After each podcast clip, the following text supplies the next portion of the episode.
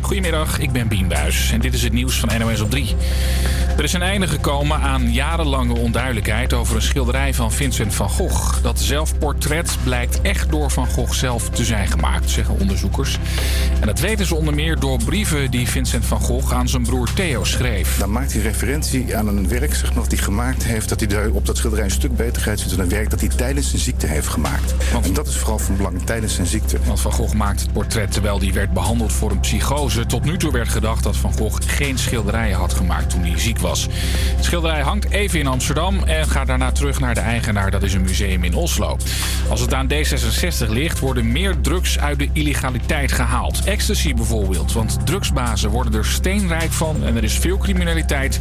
En dat houdt niet zomaar op, zegt fractieleider Rob Jetten. Mensen gebruiken drugs, eh, daar kun je eh, van alles van vinden. eh, maar dat zullen mensen altijd blijven doen. En daarom zeggen we, laten we dat dan op zo'n manier organiseren... dat het ook op een veilige manier kan. De partij wil ook een discussie over hoe verboden cocaïne, paddo's en GHB nog moeten zijn. En D66 krijgt steun van een groep verslavingsexperts en advocaten en van andere politieke partijen. De vier mannen die gisteren werden opgepakt na een mislukte poging om iemand uit de gevangenis van Zutphen te laten ontsnappen, zijn Fransen met een Noord-Afrikaanse achtergrond, meldde de Telegraaf en het AD op basis van bronnen rond het onderzoek. Ze probeerden met een brandend busje de poort te rammen. Nikki Tutorials heeft bekendgemaakt in welke talkshow ze als eerste zit om te praten over haar video van vorige week, waarin ze uit de kast kwam als transgender. Ze heeft een Insta-story opgenomen. It is happening. I am at the airport right now and I'm leaving for LA. And I will be a guest on Ellen. Ja, woensdag is ze te gast bij Ellen DeGeneres, de best bekeken middagshow op tv in Amerika. En de video van Nikki waarin ze vertelt dat ze als jongetje is geboren, is inmiddels al 31 miljoen keer bekeken. Het weer, af en toe breekt de zon door, al kan het in het zuidoosten ook nog wel grijs blijven. Het wordt een graad of 6. Avia Campus. Met nu Avia Campus Creators. Met nu Laslo. En we hebben vandaag een speciale uitzending van de studenten van het keuzevak Sport en Media. So stay tuned. If you don't wanna see me, did a full 180, crazy, thinking about the way I was.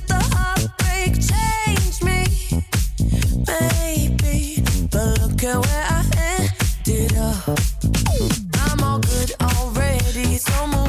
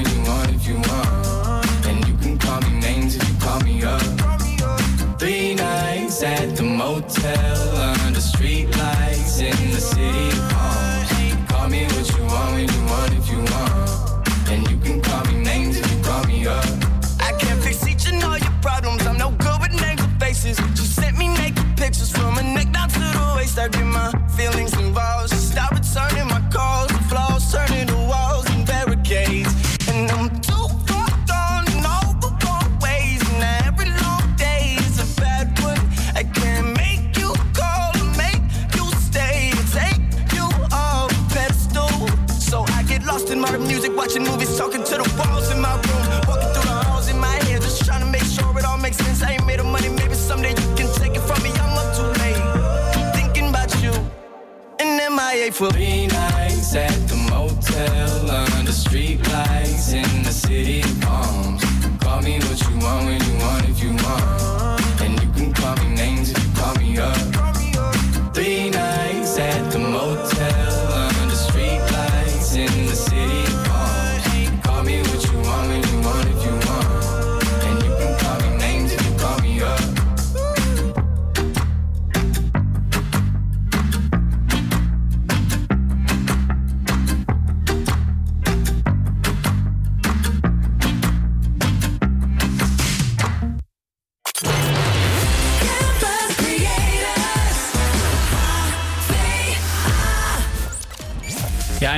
hele goede morgen. En wat fijn dat je luistert naar Havia Campus Creators. Eh, en naast mij zit Ashwin. Yo, Hallo. yo. We hebben vandaag een beetje een bijzondere uitzending. Ja, net zoals vorige week eh, hebben wij studenten nu constant in de studio van eh, het keuzevak Sport en Media. Die komen vertellen over allemaal ontwikkelingen in de sport en media. Ja, en ik vond het vorige week dus echt super interessant. En Ja. ook eigenlijk over sporten. We hadden het over sporten die ik eigenlijk nog nooit ja, eh, eigenlijk, eh, iets van had gehoord, weet je wel. Ja, Bijvoorbeeld precies. American Football. Ja, en ik, eh, ik vond, tenminste wat ik vorige, vorige week heel interessant vond, was ehm, de Olympische Spelen, dat ze daarover hadden. Ehm moesten een beetje die link willen leggen met, eh met Japanse cultuur, zeg maar, dat ze dat er ook bij brachten. Ja, precies. Dus ik ben eh, heel erg benieuwd eh, wat de uitzending gaat brengen. Ik ben benieuwd wat, eh, wat deze onderwerpen gaan zijn. En dan gaan we nu luisteren naar Family van de Chainsmokers en Kaigo.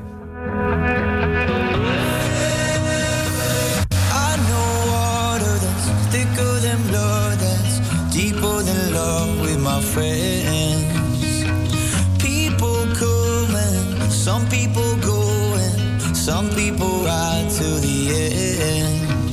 When I am blind in my mind, I swear they'd be my rescue, my lifeline. I don't know what I'd do if I, if I'd survive. My brothers and my sisters in my life. Yeah, I know some people they would die for me. We run together,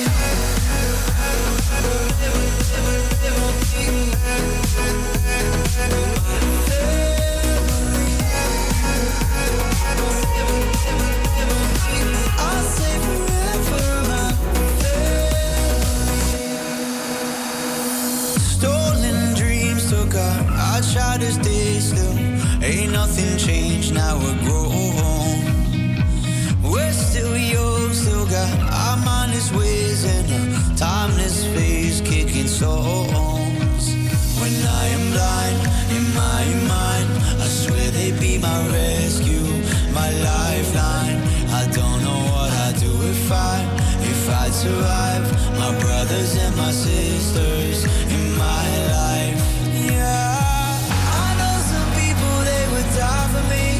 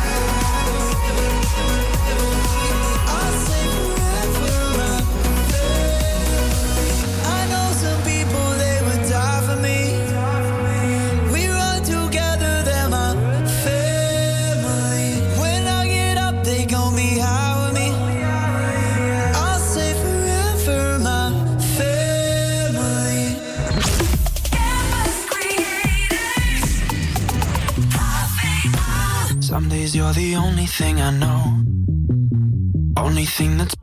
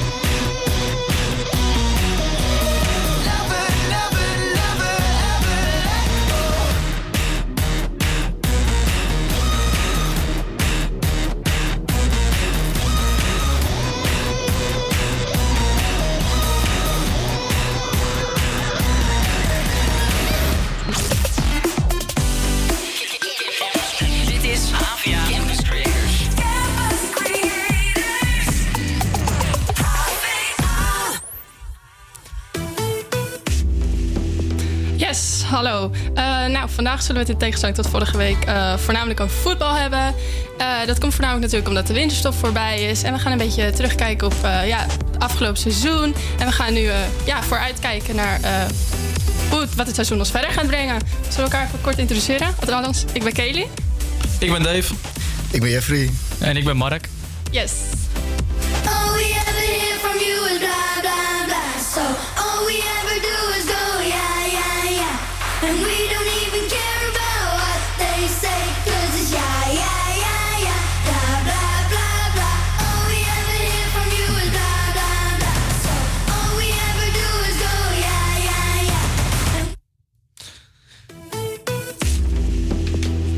En na vorig, jaar, vorig jaar heeft Ajax zich weer bewezen in Europa. Na een eh, hele succesvolle periode in de pool. De tweede geworden tegen Bayern, Benfica en eh, de andere tegenstander. Hebben ze zich doorgeplaatst tegen Real Madrid. Met natuurlijk de fantastische 1-4 in het Bernabeu. En daarna nog de 1-2 uit bij Juventus. Waardoor ze doorgingen naar de halve finale. Waar ik liever geen woorden over vuil maak. Tegen Tottenham. Helaas, helaas. En dan is het natuurlijk logisch voor ons om te gaan praten over het succes van Ajax. En wat het on- ons allemaal brengt in het Nederlands voetbal. En eh, hier zal Jeffrey eh, het woord overnemen. Yes, dankjewel. Ja, ik heb eh, eigenlijk een, een klein onderzoekje gedaan. Ehm, wat, het voor, wat het voor Ajax allemaal heeft gebracht. En dat heb ik eigenlijk op sportief niveau, financieel niveau en op, op commercieel niveau. Nou, ten eerste heeft Ajax echt wel weer het grotere aanzien in Europa teruggekregen. Dit betekent dat ze eindelijk weer grote voetballers kunnen halen. Dus dat grotere spelers ook naar Ajax willen komen en dat hun spelers ook veel meer waard worden. Dat zie je maar terug bijvoorbeeld met Frenkie de Jong die voor 75 miljoen is verkocht. En Matthijs de Ligt. Eh, de geruchten van Donny van der Beek voor 50 à 60 miljoen. Daarnaast is het inkomst van prijzengeld, eh, ja, dat stopt eigenlijk ook niet. We hebben volgens mij vorig jaar de 100 miljoen aangetikt. En eh, ja, op commercieel niveau is het eigenlijk ook best wel interessant als ik kijk. Want ten eerste hebben ze heel veel nieuwe sponsorinkomsten door middel van Budweiser.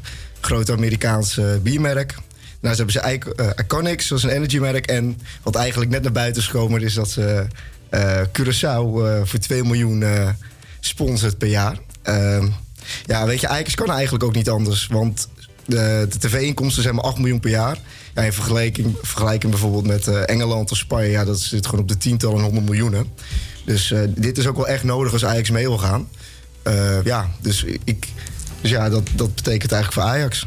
Dat kan je wel zien aan het transferbeleid met een Quincy Promes, wat hier eigenlijk al gezien als een eh, grote aankoop. Terwijl de kleine clubs in Engeland, die eigenlijk op de laatste vijf plaatsen staan, ook gewoon aankopen doen van 30 miljoen. En dat is meer dan Promes zelf. Ja, kijk, wa- kijk, Ajax heeft natuurlijk wel een hele grote stap gezet. Maar ik denk wel dat ze nog eh, een aardige stap moeten maken. Ehm, ja, kijk, ze zijn natuurlijk wel heel erg bezig. Bijvoorbeeld in New York zijn ze wel bezig met commercieel doeleinden. In China, eh, Arabische Emiraten. Kijk, ze hebben niet dat grote inkomstengeld van, van, de, van de Premier League bijvoorbeeld. Dus ze moeten eigenlijk op een, eh, op een andere manier hun eh, geld gaan verdienen. En dat doen ze eigenlijk zo.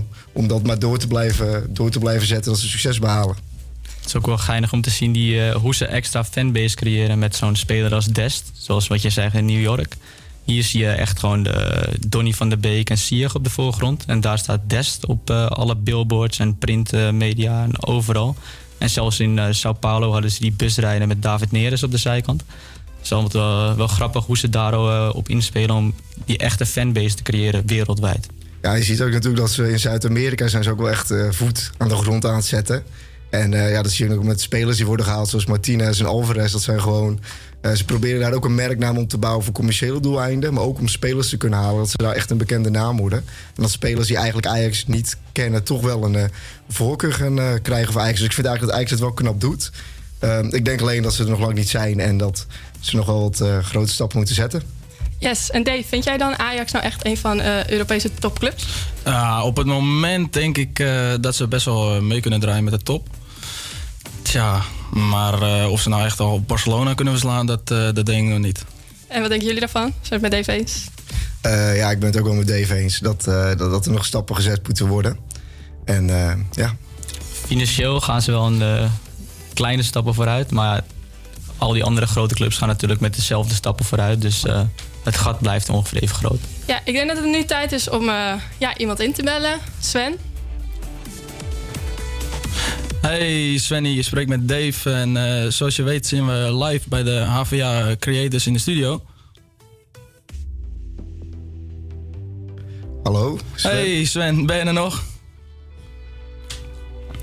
Ik denk dat het niet helemaal goed gaat, maar Nee, we gaan ik- gewoon eh, lekker door.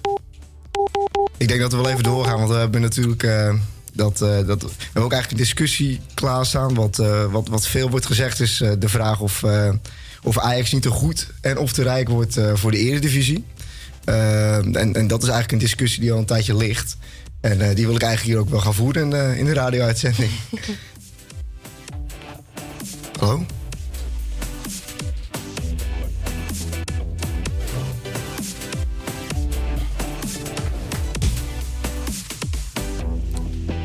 Zijn we er nog? Ja, Ja. zijn er weer. Ja, gaat even weg. Eh, ja, dus dat, dat eigenlijk... Ja. Ehm, ik denk zelf dat, eh, dat, eh, dat Ajax eigenlijk eh, niet, niet te goed en te rijk voor de Eredivisie wordt. Ik weet niet of jullie anderen anders over denken. Je ziet wel het verschil. Gisteren in Rondo ging het bijvoorbeeld ook over de, dus hoe het gaat in het Nederlands voetbal. Dus met knap prestatie ook van Willem II en AZ. En hoe PSV en Feyenoord nu eigenlijk slecht draaien dit seizoen. En hoe hun door het transferbeleid best wel in de problemen zijn gekomen. Door een paar misaankopen. En dat is natuurlijk wel het verschil wat Ajax nu wel heeft. Die heeft nu een heel groot budget. En die kunnen een miskoop zoals eh, Marin kunnen ze wel gewoon leiden. Het is toch een aankoop van 12 miljoen die gewoon nog misschien maar twee, drie wedstrijden gespeeld heeft. Maar ik denk dat daar eh, misschien ook wel de, de ligt. Omdat eh, ze hebben nu veel geld, dus ze hebben ook wel grote aankopen gedaan. Maar eigenlijk eh, is maar gebleken dat ze eigenlijk... Het is toch weer niet goed genoeg. Weet je, zoals bijvoorbeeld een Alvarez en Marien, eh Schöneweg. je ziet maar dat ze dan toch niet die extra stap kunnen maken. En ik denk dat ze grotere aankopen hadden moeten doen... en grotere spelers hadden moeten halen die er meteen staan. Eh, daarnaast heeft Ajax denk ik ook nog problemen met zichzelf. Als je ziet eh, hoe ze tegen Lille spelen, eh, hoe ze tegen Valencia spelen, dat het ook allemaal niet makkelijk ging. Tegen Chelsea hebben ze wel een goede wedstrijd gespeeld, maar helaas werd dat toen 4-4. Eh, Ajax heeft gewoon moeite met zichzelf en ik denk dat ze ook wel wat grotere aankopen moeten doen. Als je bijvoorbeeld kijkt naar PSV, Luc de Jong die is weg, Lozano die is weg. En ja, dan dat hele elftal is weer uit elkaar, een slecht transferbeleid. Dus ik denk dat ze nog, ja, het wordt nog wel een aardige klus om dat eh, weer recht te breien. Dave, denk jij dat Ajax strijk is? Dat Ajax te rijk is voor de Eredivisie? Nou ja, ik denk het wel. Want ja, zoals eh, Jeffrey en Mark net aangaven... van eh, PSV en Feyenoord kunnen het eigenlijk niet meer bijbenen. PSV heeft gewoon slecht geïnvesteerd. eh, ja, een paar, een paar miskopen gedaan eigenlijk inderdaad. En belangrijke spelers zijn weg. Dus ja, Ajax, eh, Ajax stijgt er nu echt met kop en schouders bovenuit. Misschien dat de jeugdselectie nog wel... en eh, de, ah, ja, de jeugdselectie van eh, AZ eh, bij kan benen. Maar ja, die staan nu ook al zes punten achter. Dus ja. Ja. Het is natuurlijk mooi wat Arne Slot zei, wat Jeffrey had gevonden. Ja, dat eh, Arne Slot die zegt eh, elke keer als er, als er een, een speler goed voetbalt of als er een team goed bezig is, moeten we meteen naar Ajax kijken. En dat vindt hij eigenlijk onzin. Het eh, moet eigenlijk niet zo zijn dat eh, als het goed gaat met de speler, bijvoorbeeld in de Eredivisie, dat die meteen eh, in verband wordt gebracht met Ajax. Eh, ik denk, ik, ja, dat vind ik, ook, eh, vind ik ook onzin. Dus dat ben ik wel eens met Arne Slot. Dan ga je natuurlijk meteen een beetje naar het eh, Duitse voetbal, de Bayern München. Dat je dan je eigen concurrenten leeg gaat kopen. Dat is natuurlijk niet echt wat we willen. Hey Sven, ben je er nu wel? Ja, het is nu wel goed gegaan. Volgens mij viel ik net weg. Ja, hey Sven, hier, alles goed man? Ja, hartstikke goed. Zou je jezelf eh, misschien een beetje kort kunnen introduceren? Ja, eh, ja dus ik heb eh, gevoetbald bij eh eerst in de jeugd bij Dem. Vervolgens naar AZ gegaan, even bij Telstar gespeeld. En dan momenteel ben ik weer terug bij Dem. En ja, je hebt het vorig jaar natuurlijk wel het succes van Ajax meegekregen in de Champions League. Ja, zeker weten. En wat, wat vond je daarvan? Ja, de wereldprestatie. Dat is, alles viel op een gegeven moment heel goed samen. Het spel was goed. En het zat er natuurlijk al een klein beetje aan te komen, die stijgende lijn eh, vanuit Europa League, waarin goed gevoetbald werd. Ehm, en met de nieuwe trainer met Ten Hag is dat eh, uiteindelijk in het begin liep nog wat stroef, maar uiteindelijk is alles samengekomen. En je hebt een paar wereldspelers in, die selectie gehad. Dus ja, dat is genieten elke wedstrijd. Ja, precies. En wat voor gevolgen denk jij dat dit heeft voor de, ja, voor de rest van de wereld? Ja, ik denk dat het wel, eh, wel een beetje hoop biedt. Eh, dat je wel gewoon met goed voetbal, met een kleine budget, maar wel gewoon met een filosofie, dat je dan heel ver kan schoppen. En eh, ja, tot grote prestaties in staat bent. In, in het verleden is dat ook al gebeurd met, met Monaco, die tot de halve finale kwam. Met Borussia Dortmund, die ook in de finale kwam zelfs. Eh, dus ja, gewoon wat clubs met een iets minder budget, eh, iets minder budget die dan toch ver kunnen komen. Ja, dat is wel mooi. Ja, inderdaad. En eh, ook op, op marketinggebied is daar nog het een en ander veranderd. Ja, je, dus je kan wel merken, bijvoorbeeld op de social media accounts, dat, het, dat ze het wel uitgemolken hebben. Het was eh, bijvoorbeeld dit eind van het jaar het- weer een flashback naar afgelopen jaar, eh, hoe goed ze het gedaan hebben in de, in de Champions League. Elke speler kreeg een bijnaam en eh, elke dag werd er wel iets gepost op eh, bijvoorbeeld Instagram. Ja, dus ze hebben wel goed hun, eh, goed hun best gedaan eh, daarmee. Ja, zeker. Ja. Nou, ik wil je, ik wil je bedanken voor je, ja, voor je tijd dat je in, in de studio wilde komen. Korte tijd, ja precies. Sven, Sven mag ik alsjeblieft eh, nog, eh, nog één vraag stellen voordat je, Ja, voordat je ik ben ophoudt? er nog. Wat, eh, wat denk jij wat de toekomst gaat brengen voor Ajax? Ehm, ja, het, het is wel belangrijk dat ze het nu doorzetten. En je kan natuurlijk niet altijd eh de goede spelers hebben, zoals een De Jong en De Licht. Daar moet je gewoon mazzel mee hebben dat die vanuit je jeugdopleiding komen. Eh, ja, ze moeten gewoon proberen zo goed mogelijk te scouten en eh, prijzen te blijven winnen. veel geld te verdienen, zodat je ook betere spelers kan aantrekken en hogere salarissen kan geven. Nou, dat is de belangrijkste stap die Ajax nu gaat maken. Denk jij dat ze, de laatste vraag hoor, denk jij dat, ze- dat ze het gaan halen of dat ze toch weer uiteindelijk terug gaan zakken? Ja, dat, het is lastig te voorspellen. Je zit nu wel een beetje in een dipje, maar kijk, als jij, ik merk nu wel, een, een of zo, die, die kiest wel gewoon voor Ajax. Die, de absolute top, die kwam niet bij hem aankloppen, maar wel echt de, de subtop. En dat, de, die kiest er niet en hij blijft dan wel bij Ajax. Dus dan denk ik wel dat ze in ieder geval niet zo ver zullen terugzakken als eh, bijvoorbeeld de PSV die dan eh, vier of vijf keer achter elkaar kampioen wordt. Zover zal het niet gaan, maar ik denk dat ze wel een stapje hoger eh, zijn en kunnen blijven. Oké Sven, nou dankjewel voor je inbreng. Helemaal goed, graag gedaan. Succes. Ja, Sven, bedankt hè. Doeg. Nou jongens, we, we hebben nu gehoord wat eh Sven erover te zeggen had. Zijn het een beetje eens met eh, wat hij heeft verteld? Maar Ik eh, ben het op zich wel eens, ja. Het is, eh, je moet oppassen dat je niet afzakt in één keer. Als je kijkt, hij noemde Monaco in het rijtje. Nou, als je kijkt hoe Monaco eh, nu staat in de Franse League... dat is eh, schrikbarend voor het materiaal dat ze nog wel hebben. Dus eh, het, blijft gewoon focus erbij houden. Gisteren ook in Rondo werd gezegd van... Misschien gaan ze wel met gemakzucht spelen bij Ajax. Dat ze denken van, nou ja, we, zijn er al en we, zijn beter dan de rest. Want ze hebben niet echt een concurrent op zijn jagers. Ja, AZ, maar die verliest weer. En Onana durfde zelfs vorige week te zeggen... AZ is een goed team, maar geen concurrent van ons. Dus eh, het is- het is natuurlijk wel Amsterdamse arrogantie... maar het kan je wel je eigen kop kosten. yes, en is nog iets opvallends gezegd? Ehm, ja, wat wel opvallend is, is dat ze eigenlijk op eh, andere manieren geld proberen te maken. En het toch op een creatieve manier met goed voetbal proberen aan te haken bij de top. Dus eh, k- kijken of het aanslaat. Ze zijn tenminste anders bezig en kijken of het gaat werken in ieder geval. Dave? Ja, dit, eh, ja, wat Mark en eh, Jeffrey zeggen inderdaad. Ze staan nu gewoon stijf bovenaan. Nou ja, stijf bovenaan. Ze zijn nu wel eh, met kop en schouders eh, boven iedereen uit in de Eredivisie. Dus ja, misschien eh, daar een eh, mogelijke oplossing voor zoeken. Nou heren, eh, dankjewel voor eh, ja, deze discussie toch wel. En ook eh, de inbreng van Sven natuurlijk. En ik denk dat we nu doorgaan eh, op het volgende onderwerp... wat heel mooi aansluit eh, op wat wij zojuist allemaal hebben besproken. En ja, dat zijn Kjeld, Tommy en Mark. En die gaan het hebben over de voor- en nadelen van de Beneliga.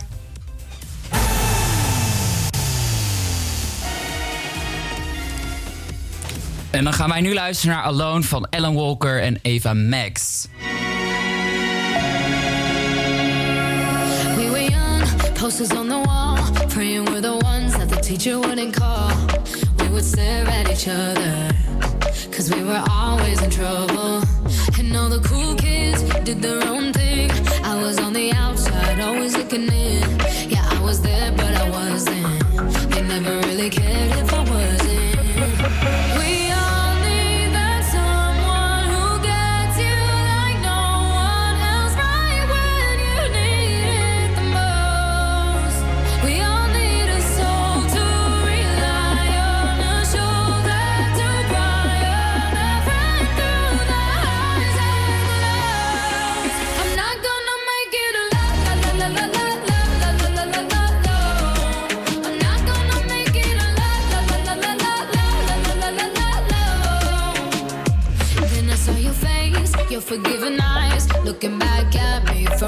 side,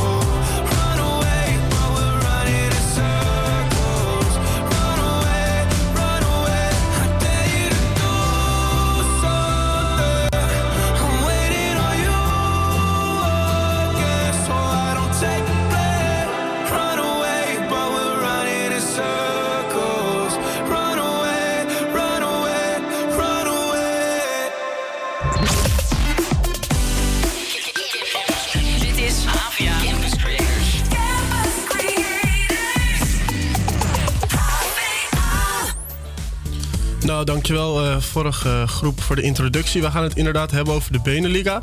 Ik ben alleen niet met Mark, maar ik ben met George en met Kjeld. En ik ben zelf eh, Tommy. We zijn studenten van eh, sportmarketing.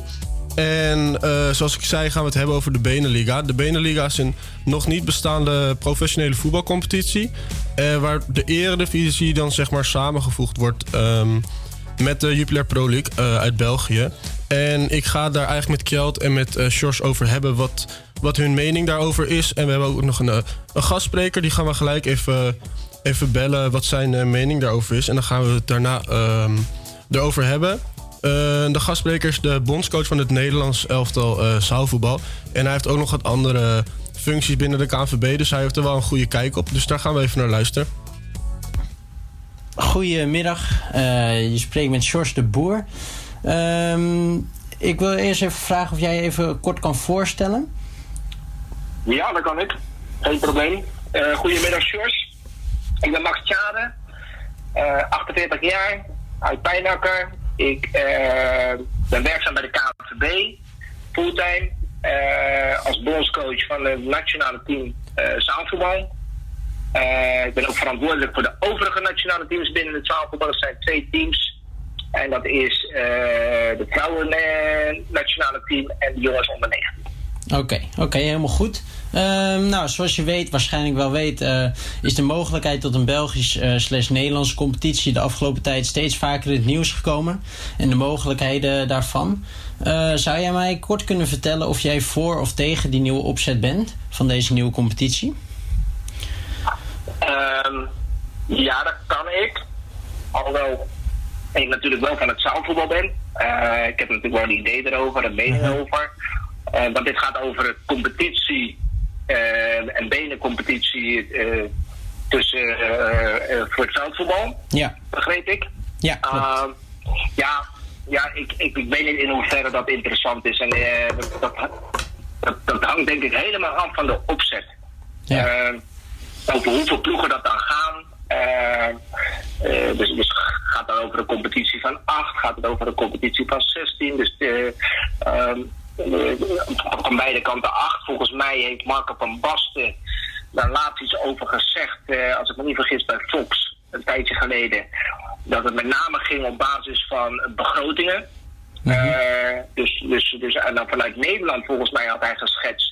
eh, tien, eh, land, tien ploegen met de grootste begroting in Nederland en acht ploegen vanuit België met de hoogste begroting. Ja, ik weet het niet of het Nederlandse publiek, want het, het is maar net wat je natuurlijk nastreeft. Uh, streef je meer publiek, eh, pu- publiek na, dus eh, een grotere toegangs, eh, toe- toeschouwersaantallen. Of streef je bijvoorbeeld spannende wedstrijden na, weet je? Dus dat die wedstrijden beter worden in kwaliteit. Ja. Marco van Basten is bijvoorbeeld van mening dat als je ploegen met een hogere begroting tegen elkaar laat spelen, dat die wedstrijden kwalitatief daar beter van worden. Ja, en, en daardoor misschien ook spannender. Ja, ik, het zou kunnen. Ik weet niet of dat eh, onderzocht is. Denk het niet, want eh, zo- zo'n opzet is er natuurlijk nog niet eerder geweest. Maar je weet wel, ja, ik weet niet of ploegen, hè, want FC Den Haag, of ADO Den Haag was, eh, die heeft de tiende begroting in Nederland in, in, in kwantiteit.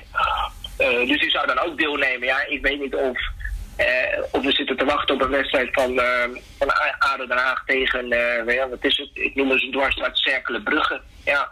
Of vinden ze het dan toch leuker om naar een wedstrijd van ADO Den Haag tegen Groningen te kijken? Ja, nee, dus, precies.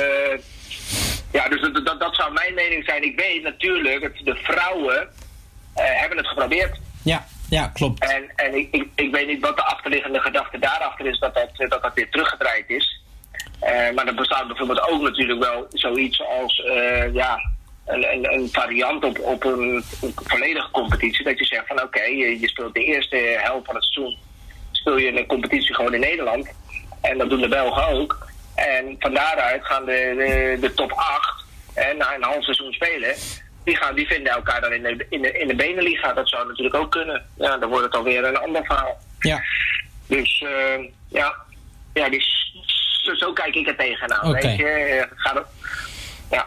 Nou, dat is eigenlijk helemaal duidelijk. We wilden eigenlijk inderdaad gewoon je mening horen over eh, hoe je daarover dacht. En ehm, ja, eigenlijk is het alles wat ik, eh, wat ik wilde weten.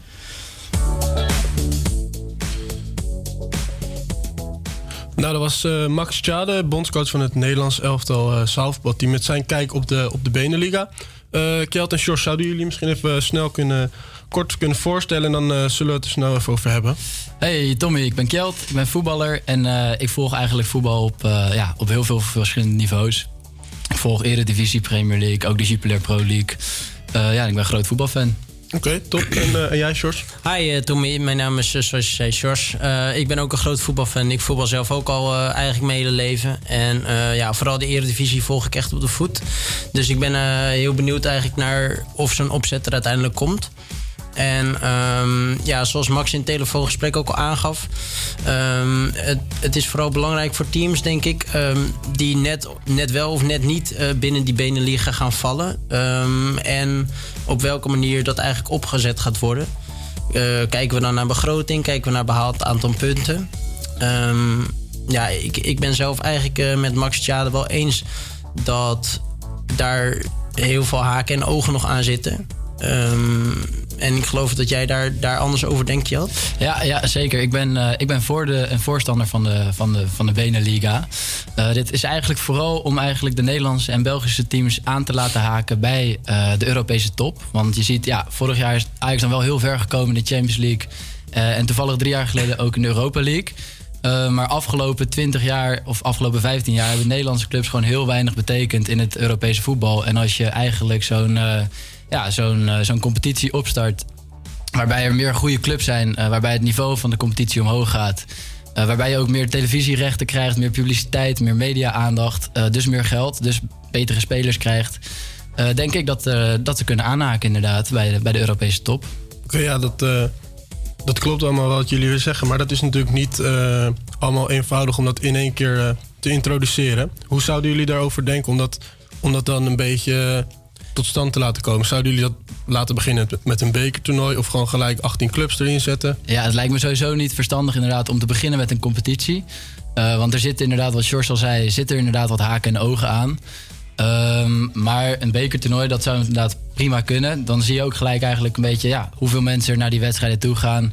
eh, welke clubs er ver komen. En of het eigenlijk eh, het niveau van de Belgische en Nederlandse competitie wel hetzelfde is. Eh, want dat is natuurlijk eigenlijk het belangrijkste. Want clubs als Anderlecht gok ik dat die ongeveer derde, vierde bij de Nederlandse competitie zouden worden. En dat zou dan gewoon een, een soort tweede bekertoernooi worden naast het Nederlandse beker en de Belgische. Ja, ja, ja. je moet sowieso eh, moet je de bekers niet gaan schrappen. Ook in, eh, in Engeland heb je bijvoorbeeld twee verschillende bekers. In Spanje heb je twee verschillende bekers. Dus eigenlijk voor de clubs is dat, is dat een mooie toevoeging. Ja, dus eh, zo Ja. zou ik het inderdaad. Nee, ik, eh, ik denk dat dat zeker mocht dat er komen. Ik had net al aangegeven dat ik eigenlijk wat sceptisch erover was. Maar ik denk dat een, een bekertoernooi om, eh, om een, een eerste test te geven een heel goed idee is. Ehm, daarnaast kwam ook uit het telefoongesprek met Max Tjade een eventuele optie voor de competitie. dat ze het door de helft doen. Dus eigenlijk dat de Eredivisie en de Pro League in de eerste seizoenshelft gewoon de normale competitie volgen. En in de tweede seizoenshelft wordt dat opgedeeld tussen Nederlandse en Belgische clubs. Ehm, dat is eigenlijk al de opzet in België ook. Dus zij zijn er al aan gewend. In eh, België wordt de competitie ook al op een gegeven moment opgesplitst. Tussen de top 6 en de laatste 6, geloof ik, uit mijn hoofd. Ja, En ja, ik denk dat dat uiteindelijk ook wel eh, ja, beter voetbal eh, kan opleveren. Maar ehm, denken jullie dan niet dat alleen de, de grotere teams uit België en Nederland zeg maar, er profijt van hebben... en dat de lagere teams ja, een beetje nadelig eruit komen? Hoe zouden jullie dat oplossen? Nou ja, ik denk dat je eigenlijk vooral de afweging moet maken van... vinden we het belangrijk dat Ajax eh, goede wedstrijden, goed niveau speelt... of vinden we het belangrijk dat ADO Den Haag eh, meer leukere wedstrijden hebben? Ik denk dat je als ja, voetballiefhebber gewoon moet denken van... gewoon die competities bij elkaar voegen, het niveau opschroeven... en dan, ja, de ADO-fans blijven ADO-fans... dus die krijgen gewoon nog steeds dezelfde media-aandacht, verwacht ik. Oké, nee, ehm, dank jullie wel. Dat is helder allemaal. Ehm, ik hoop zelf dat het eh, ooit wel een keer tot stand komt. En eh, dan wil ik nu graag eh, het volgende groepje aankondigen. Ook een belangrijk onderdeel in het, in het voetbal. De VAR, die is nu echt opkomend. Daar gaan Hanna en Esme en Luc het even over hebben.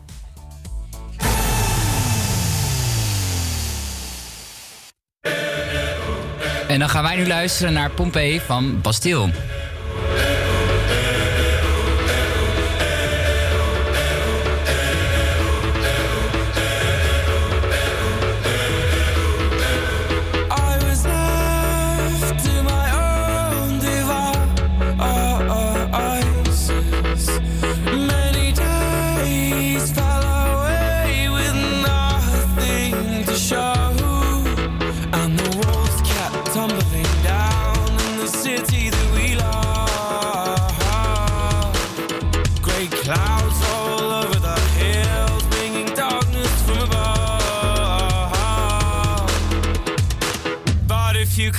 you uh, are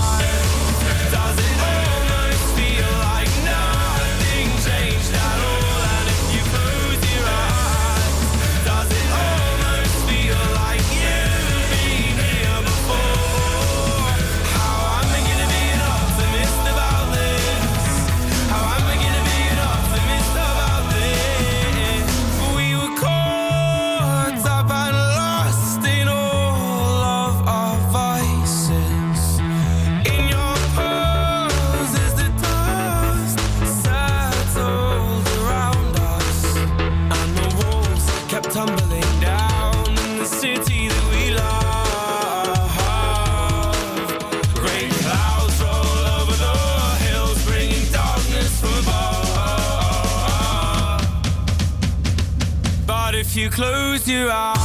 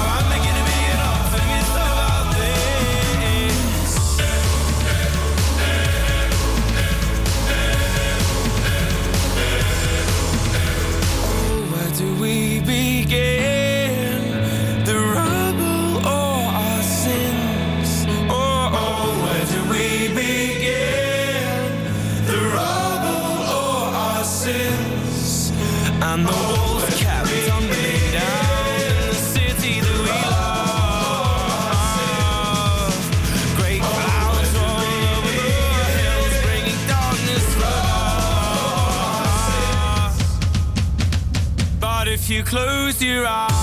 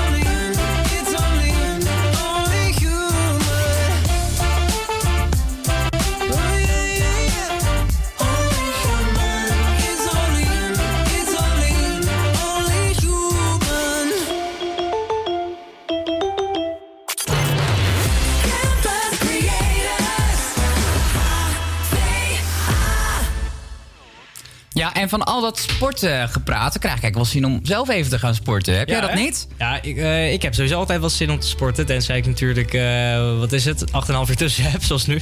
Ja, ja, precies. Eh, ja, ja, dat kan ik me wel goed voorstellen. Waar sport jij? Wat, wat, wat voor sport ehm, doe jij? Nou, ik doe ehm, kickbox. dat is, doe ik drie keer in de week. En dan daartussendoor nog even fitness. En hoe vaak fitness je dan dus? twee keer. Oh, dan ben je echt vijf keer per, eh, in de week ja, wel lekker bezig. Zeker, zeker. Ja. Dus misschien zie je het niet zo snel, maar eh, ja, over het algemeen sport ik best wel veel. En hoe doe je dat dan met voeding bijvoorbeeld?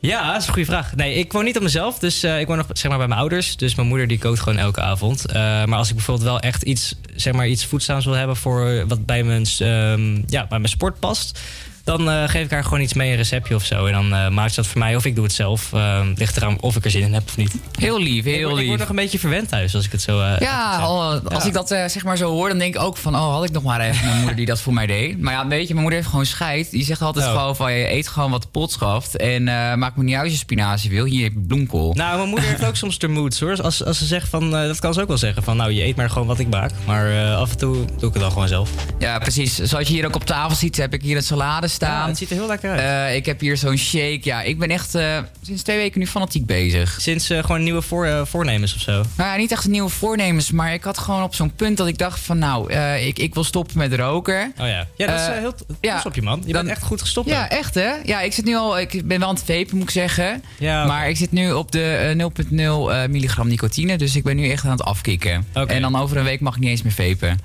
Dus over een week eh, spreken we weer nog een keer over hoe dat gaat. Ja, ja, precies. Maar daarom dacht ik van oké, ik heb even een uitlaatklep nodig. Sporten. Sporten. Dus eh, ik maar ben ook... werkt het ook goed dan? Dat je nu merkt dat je ook geen behoefte hebt aan een eh, sigaret omdat je dus nu sport? Ehm, ja, nee, soms zeg maar dan zit ik thuis of ik ga naar huis en dan, dan doe ik niks, weet je wel. Dan verveel ik mij gewoon een beetje en dan ga ik juist roken. Dus als ik dan Ah. zeg maar, dan krijg ik dus echt trek in een sigaret. en dan ga ik gewoon En sporten. nu ga je gewoon met dumbbells. eh, Ja, daarom, daarom. Weet je, het is ook een verslaving, maar wel een gezonde verslaving. Gezonde verslaving, vind ik ook. En dan gaan we nu luisteren naar Harry Styles met Adore You. Of, my, oh, of eh, One Direction. You're insecure, don't know what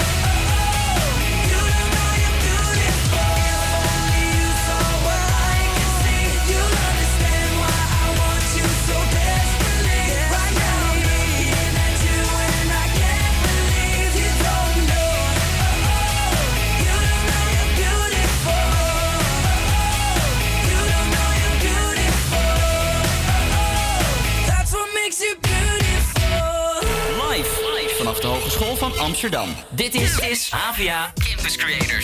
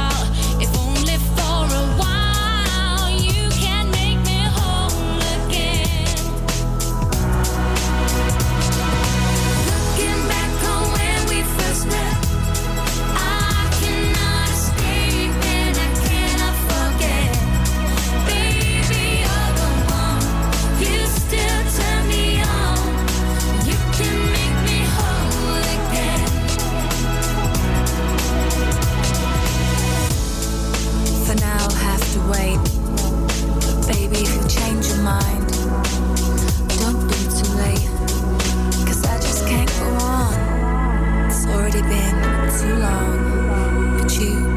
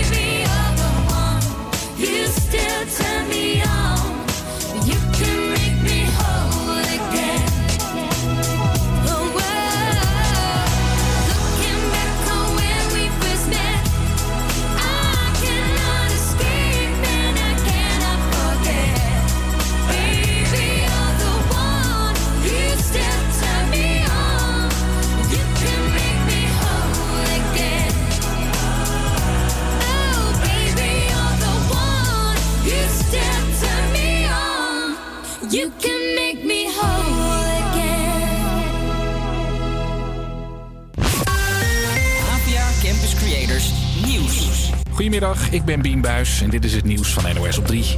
De luchtdruk is vandaag historisch hoog. Volgens Weerplaza is op sommige weerstations nog nooit zo'n hoge luchtdruk gemeten. Echt veel merk je daar niet van, maar wel als je een ei wil koken of thee gaat zetten. Want dat duurt vandaag iets langer. bij een luchtdruk van 1050 hectopascal dat het water eh, pas kookt bij 101 graden, niet bij 100 graden. En ook voor topsporters is de hoge luchtdruk slecht nieuws. Schaatsers bijvoorbeeld, die eh, zullen niet zo snel een recordpoging gaan doen als de luchtdruk erg hoog is, omdat ze daardoor eh, toch wat meer weerstand voelen. En dan gaat het echt om, om honderdste of tiende. Er zijn ook meldingen van mensen die zeggen dat ze hoofdpijn krijgen door een hoge luchtdruk. Maar dat zijn er niet heel veel. De vier mannen die gisteren werden opgepakt na een mislukte poging om iemand uit de gevangenis van Zutphen te laten ontsnappen, zijn Fransen met een Noord-Afrikaanse achtergrond, melden de Telegraaf en het AD op basis van bronnen rond het onderzoek. Ze probeerden met een brandend busje de poort te rammen. Op station Wormerveer in Noord-Holland is weer een trein ondergekalkt. Het gebeurde een tijdje geleden ook al. Toen werden alle acht wagons van een sprinter van top tot teen zilver gespoten. Vannacht was het raak bij een deel van de trein. Die zit nu onder de graffiti en gaat pas weer rijden na een flinke schoonmaakbeurt. Onderzoekers weten het zeker. Een dik 100 jaar oud schilderij van Van Gogh is echt door de wereldberoemde schilder gemaakt. Er was tientallen jaren onduidelijkheid over. Het doek is helemaal onderzocht.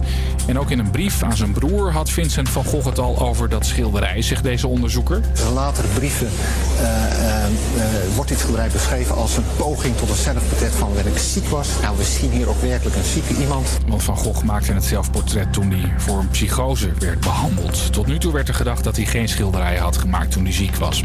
Je kunt het schilderij trouwens checken in Amsterdam. Het zelfportret is even uitgeleend aan het Van Gogh Museum. Over een paar maanden gaat het schilderij weer terug naar de eigenaar. Dat is een museum in Oslo. Het weer, af en toe breekt de zon door. Al kan het in het zuidoosten ook nog wel grijs blijven. Het wordt een graad of 6.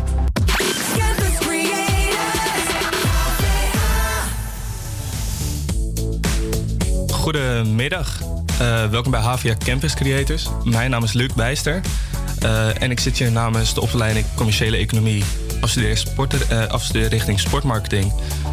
Ik zit hier samen met Hanna en Esmee. Dat zijn twee collega's van me.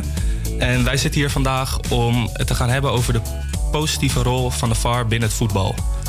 Ehm, ik zal even beginnen met het uitleggen van de VAR. De VAR is twee jaar geleden voor het eerst geïntroduceerd eh, binnen het betaald voetbal. En met als doel om het spel transparanter en eerlijker te maken. Ehm, maar eigenlijk twee jaar later ehm, is het nog lang niet waar het hoort te zijn. En wij willen het graag hebben over hoe we het beter kunnen maken. Wa- wa- ja, wat, wat, wat een betere rol van de VAR zou kunnen zijn. Ehm, ik zal even beginnen. Ja, laten we gelijk beginnen met de stelling. Eh, wat vinden jullie? Een VAR, ja of nee? Ik ben zelf wel voor de VAR, ja. Ehm, ja, ik ook wel. Ja, jullie wel. Eh, ja, ik ben zelf eh, een ouderwets voetbalfan. Eh, dus ik ben er nog steeds niet helemaal van overtuigd. Maar laten we allereerst even eh, met de professionals spreken. Ik heb een interview gedaan met eh Wajid. En Wajid is eh, scheidsrechter van de tweede klasse eh, in het voetbal. En ik ben wel benieuwd naar wat hij te zeggen heeft over de VAR. Oké, Wajid. Om er gelijk met de deur in huis te vallen. VAR, ja of nee? Mm, ja. Waarom? Ehm, mooie toevoeging voor de sport. Ehm, nou, scheidsrechter, hè? Ja, weet je natuurlijk al. Ik fluit tweede klasse. Maar ik vind het altijd mooi dat je op tv gewoon even het moment terug kan zien als scheidsrechter. Vind ik wel heel belangrijk voor de sport. Oké. Ja. Dus je vindt het mooi om het eh, terug te zien. Ja. Ehm, andere voordelen, misschien nadelen eraan, waarvan je denkt... eh, Ja, grote nadeel is dan elke keer als ik wat fluit. Nou, stel ik zal hè, VAR gebruiken. Elk, grote ja, nadeel want jullie gebruiken geen VAR. Nee, ik, ik fluit helaas nog in de tweede klasse. Ik heb wel een keer met voetbaltv... eh, ik weet niet of je dat concept kent. Nee, voetbal- uit. Ja, dat zijn eh, van die camera's. Die worden dan eh, op het veld geplaatst. En dan kan je eigenlijk een moment... Ja, een beetje net als je het in het echt ziet. Dan Mhm. kan je dat moment even terugzien. En dan ja, kan je eigenlijk bepalen of het echt is gebeurd of niet. Ik heb dat wel één keer bij een benefietwedstrijd gedaan. Ja. En ik moet zeggen, ik zat fout. Dus eh, dat heeft wel echt geholpen. Bij mijn beslissing. Maar je hebt dan nu niet dat je aan jezelf twijfelt. Eh, nee, dat niet. Ik vind het meer als een, ja, een extra waarde, als een soort van extra bevestiging van... goh, zat ik echt goed? Of zat ik er toch wel even naast? Het is niet dat het mijn besluit helemaal... dat ik ga twijfelen op het veld, ik ga denken... oeh, nee, dat, dat- zo ben ik niet. Oké. Dus eh, bi- binnen het voetbal ben je er wel gewoon van overtuigd. Denk je van, nou, eh, doe mij dat ook maar in de tweede klasse. Ja, ja als het kon, zou ik het echt, eh, ik zou het echt toejuichen. Oké. En eh, nou ja, onze uitzending gaat natuurlijk over, eh, eh, mede over de VAR bij andere sporten... zoals rugby, hockey of volleybal. Ben je daarvan op de hoogte? Ik weet wel wat van de hockeywereld, dat je dan één keer wat mag aanvragen, Precies, klopt dat? Ja? precies. Oké, ja. Ja, en bij rugby hoort het publiek of de kijker thuis gewoon altijd de scheidsrechter praten. Mhm. Wat is jouw mening over dat dat ook in het voetbal geïntegreerd wordt? Zie je dit zitten of denk je van, nou, laat het lekker gaan? Want ik heb persoonlijk als voetbalfan het idee van, we moeten voetbal niet te veel verpesten. Ik ben een ouderwetse voetbalfan en ja, ik hou van de, de, de ouderwetse waarden. En eh, ja, als je dan ook nog eens de scheids gaat horen praten, dan denk ik, het wordt allemaal wel heel veel. Hoe zie jij dat zitten? Nou, ik ben geen voorstander van als je de scheids hoort praten. Dat duurt voor mij ook weer te lang, denk ik. Dat, dat, met dat Nee, maar ik bedoel gewoon, het, niet dat het te lang duurt, maar je hoort gewoon wat de scheids tegen de spelers zegt en ook tegen de andere VAR. Want dat horen we nu in principe niet. Nee. Mm, ja, goed punt. Ik denk dat dat wel eh, heel transparant moet zijn. ook voor de kijkers thuis. Dat iedereen wel wil, weet waarom een beslissing is gemaakt.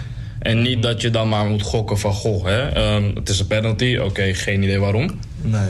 Maar ik vind het concept bij hockey wel mooi. Dat een team wel één keer kan aanvragen... Goh, hè, wij denken dat het een penalty moment was. Dit en dit is, ge- is er gebeurd. Wel heel specifiek natuurlijk. Niet zomaar, oh, ik denk dat het hands was. Nee, moet wel, ik heb hands geconstateerd. En eh, ja, wij denken dat het een penalty is. Ja. ik vind wel dat elk team wel één keer het recht mag hebben. En heb je dat verspeeld, ja, dan is het dan een scheids of je een VAR moment wilt of niet. Oké. Dus jij bent van mening dat het initiatief echt bij de teams moet liggen? Op, dat- op zo'n moment en niet bij de scheidsrechter? Ehm, een scheidsrechter mag ook het initiatief nemen, vind ik zelf. Want als Ja. hij zelf ja, toch wel twijfelt over de situatie, zou je een VAR call moeten, mogen doen. Ja. Maar ehm, ik vind wel dat teams één keer het recht mogen hebben. Oké. En daarna? En daarna, als het verspild is, is het verspild. Jammer dan. Dan bepaalt de scheids of je het nodig heeft of niet. Oké.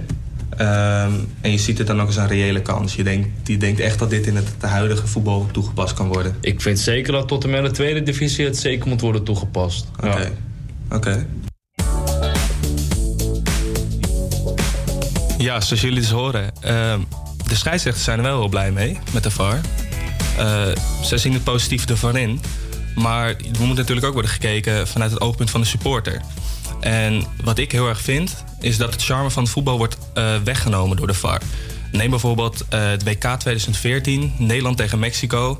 Ehm, we staan 1-1 en Arjen Robben maakt een zwalbe en we krijgen een penalty. Het, het hoort helemaal bij het toernooi, het hoort helemaal bij de wedstrijd, het hoort helemaal eh, bij het WK. Ehm, we winnen uiteindelijk dankzij zijn zwalbe. Maar als het de VAR er op dat moment was geweest, hadden we niet gewonnen en was het toernooi weer een vergeten toernooi geworden. Ehm, dan kan je zeggen, ja tuurlijk, een zwalbe moet je niet maken. Maar het, was een harde wedstrijd. eh, er werd vuil gespeeld. Dus ik vind het wel wat hebben als het spel dan ook een beetje vuil wordt gewonnen. Als, eh, als supporter. Andere kant, als, het VAR als de VAR nou geïntroduceerd wordt... vind ik wel dat het goed moet werken. Als je kijkt naar eh, een, eh, twee maanden geleden... Ajax-Chelsea in de Champions League... eh, wordt een goal van Ajax afgekeurd.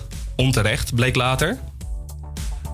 Omdat het buitenspel was, op de millimeter. Ze hadden lijnen uitgelegd. het bleek helemaal goed te zijn. Maar achteraf bleek toch dat die goal wel had moeten tellen. En het heeft in mijn ogen ja, Ajax de Champions League gekost. Om door te gaan naar de volgende ronde. Dus ik, ik, ik, ben nog steeds niet helemaal overtuigd van de VAR. Ehm, nou ja, zoals Wajid, eh, onze arbiter, net al aangaf... eh, vindt hij het goed dat andere sporten... eh, vindt goed wat, hoe de VAR in andere sporten gebruikt wordt. Bijvoorbeeld in rugby en hockey. Ehm Hanna, kan jij hier misschien iets meer over vertellen? Ja, ik kan nou eigenlijk wel gelijk reageren op wat je net zei. Ehm, het voorbeeld bij eh, Ajax-Chelsea had eigenlijk voorkomen kunnen worden... als ze de scheids en de VAR zou kunnen horen. Dan was het eigenlijk een stuk transparanter geweest. Dit zei Wajid ook al eerder. En dan werkt het gelijk al veel beter. V- bijvoorbeeld bij hockey en rugby, je hoort ze met elkaar communiceren. Ehm, ja, hier, ik denk dat dat echt wel een hele belangrijk punt is... wat bij voetbal aangepakt moet worden. En dat het dus transparanter moet. Ja, zeker. Oké. Ehm, En ook qua eerlijkheid. Ik denk dat Esme daar wel wat over kan vertellen. Ehm, ja, ik ben wel van mening dat de VAR het voetbal een stuk eerlijker maakt. En ik denk dat we de VAR ook echt moeten zien als een soort vangnet. Dus niet als een leidende draad. Ehm, scheidsrechters moeten natuurlijk een beslissing maken, vaak binnen één of enkele seconden. En de VAR kan de scheidsrechter behoeden van de fout. Fouten zijn menselijk. Ehm, en er is dus gebleken dat in het afgelopen jaar dat er in 306 wedstrijden 87 keer een foute beslissing is teruggedraaid door de scheidsrechter. Ehm, dus ik ben wel van mening ehm, dat de VAR het voetbal oprecht een stuk eerlijker maakt.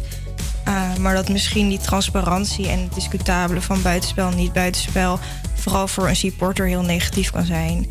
Ehm, maar dat heeft dan ook weer vooral te maken. Ik bedoel, natuurlijk, je geeft zelf het voorbeeld op het WK van 2014 winnen we een wedstrijd oneerlijk. Maar als het andersom was geweest, dan had je er anders over gedacht. En inderdaad, de charme van het voetbal. Ik bedoel, een supporter die koopt kaartjes voor een wedstrijd en die gaat door weer en wind daar zitten. Ehm, en op het moment dat de VAR heel ontransparant is, dan kan het soms heel lang duren voordat de beslissing is genomen en voordat er daadwerkelijk duidelijk is waarom een beslissing is genomen. Ehm, dus in die zin, als dat stukje wordt weggenomen, dan denk ik wel dat we een hele goede hebben aan de VAR. Ehm, ook omdat het bijvoorbeeld mee kan helpen in de bestrijding van matchfixing.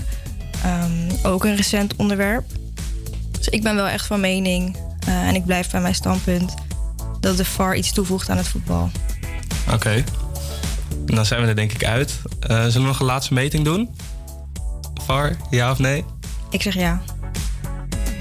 Ik zeg ook nog steeds ja, mits er wel aanpassingen worden gedaan. Ja, daar wil ik me ook wel bij aansluiten, inderdaad. Ik, hoe de VAR eh, nu in elkaar zit, is nog lang niet waar het hoort te zijn. Ehm, ik denk ook dat zodra de aanpassingen plaats hebben gevonden, dat de VAR inderdaad een positieve toevoeging kan zijn voor het voetbal. Oké, goed. Um, ja, Esme, je had het net al even over matchfixing. Ik vind dat eigenlijk wel een mooi bruggetje naar eh, de volgende groep. Eh, matchfixing is natuurlijk een ander knelpunt binnen het voetbal. En hier gaan Jan Pijnakker en Thijs van Barneveld het met jullie over hebben ieder geval een fijne middag nog. En eh, bedankt voor het luisteren. En dan gaan wij nu luisteren naar Shut Up and Drive.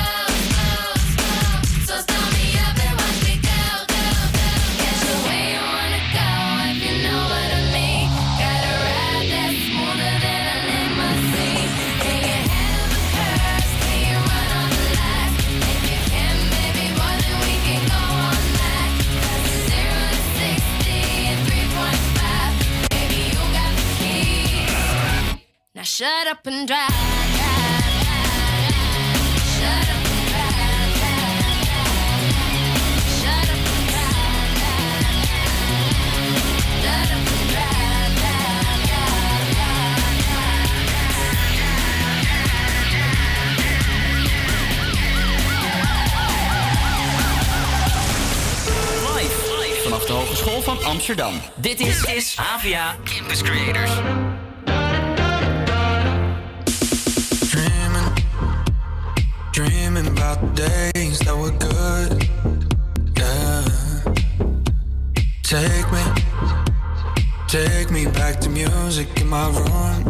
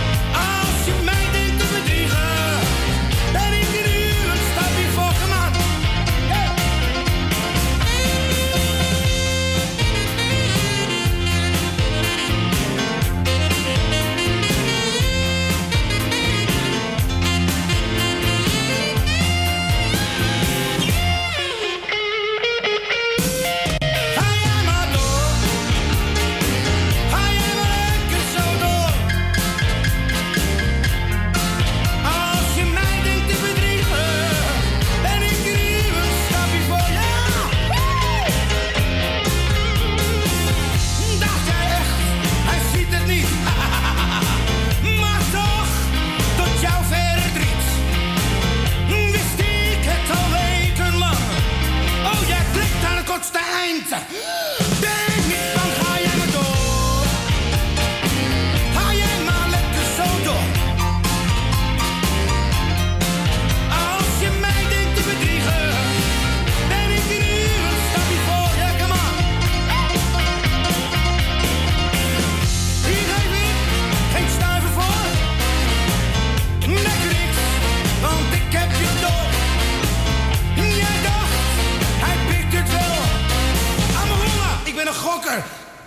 Een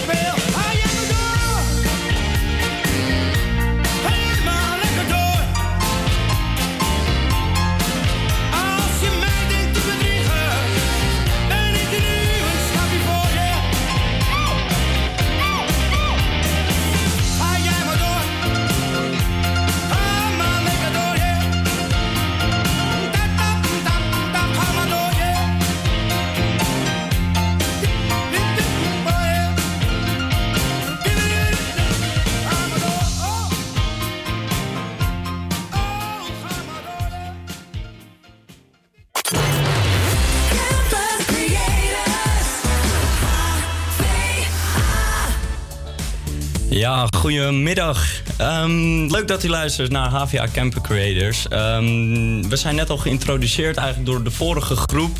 Eh, de VAR werd net besproken. Wij gaan het toch over een iets schimmerig eh, onderwerp eh, Heeft er wel mee te maken trouwens.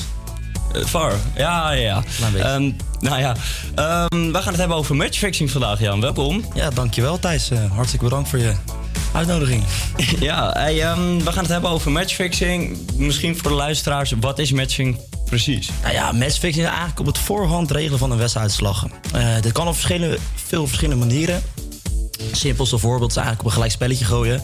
Hoe gaat het in zijn werk? Voorzitters spreken al eigenlijk voor de wedstrijd met elkaar af. Van, we hebben allebei bij een punt. Eh, hebben we genoeg om eh, door te gaan? Nou, dan spreken ze dat af en dan wordt het eigenlijk een salonremise genoemd. Ja, en dat gebeurt dan Champions League, Europees niveau Ja, met de groepsfase. Groepsfase meestal. Weet je, als nummer 1 en 2 gewoon met een gelijkspel door kunnen gaan, dan. eh laatst was het ook voor mij in de Champions League poolfase dat sprake was bij Valencia in de groep van Ajax. Had ook eventueel gekund, maar dat is uiteindelijk niet doorgegaan, helaas. Nee, en er bestaat ook trouwens een mooi voorbeeld uit, eh, uit Frankrijk. Ehm, er was er een club was er, die, die kon ehm Europese voetbal halen met één punt. En de andere waar ze, te- waar ze tegen moesten voetballen, die eh, ontliep degradatie eigenlijk. dat was eigenlijk een goed voorbeeld van salonremise. Wat eigenlijk ook gebeurt, is eigenlijk ja, niet de wedstrijduitslag bepalen, maar eh, ja, de gokwereld eigenlijk. Eh, er wordt zoveel miljoenen tegenwoordig ingezet op wedstrijden. Bij, eh, ja, en als je de uitslag al weet, dan eh, is het makkelijk om naar de totoblaadje in te vullen. Hè? Ja, gok jij zelf wel eens? Eh, om eerlijk te zijn, gok ik wel eens ja. Maar dat gaat om kleine bedragen, niet eh, wat eh, de grote matchfixers aan het doen zijn. Eh, ja, en niet alleen uitslagen, het gaat ook om de kleinste dingetjes, Thijs. Eh, dat kan zo zijn een eh, corner die werd weggegeven, een gele kaart, een inworp. Ja, steeds kleinere dingetjes worden eh, gegokt en ja, daar gaan grote bedragen in om.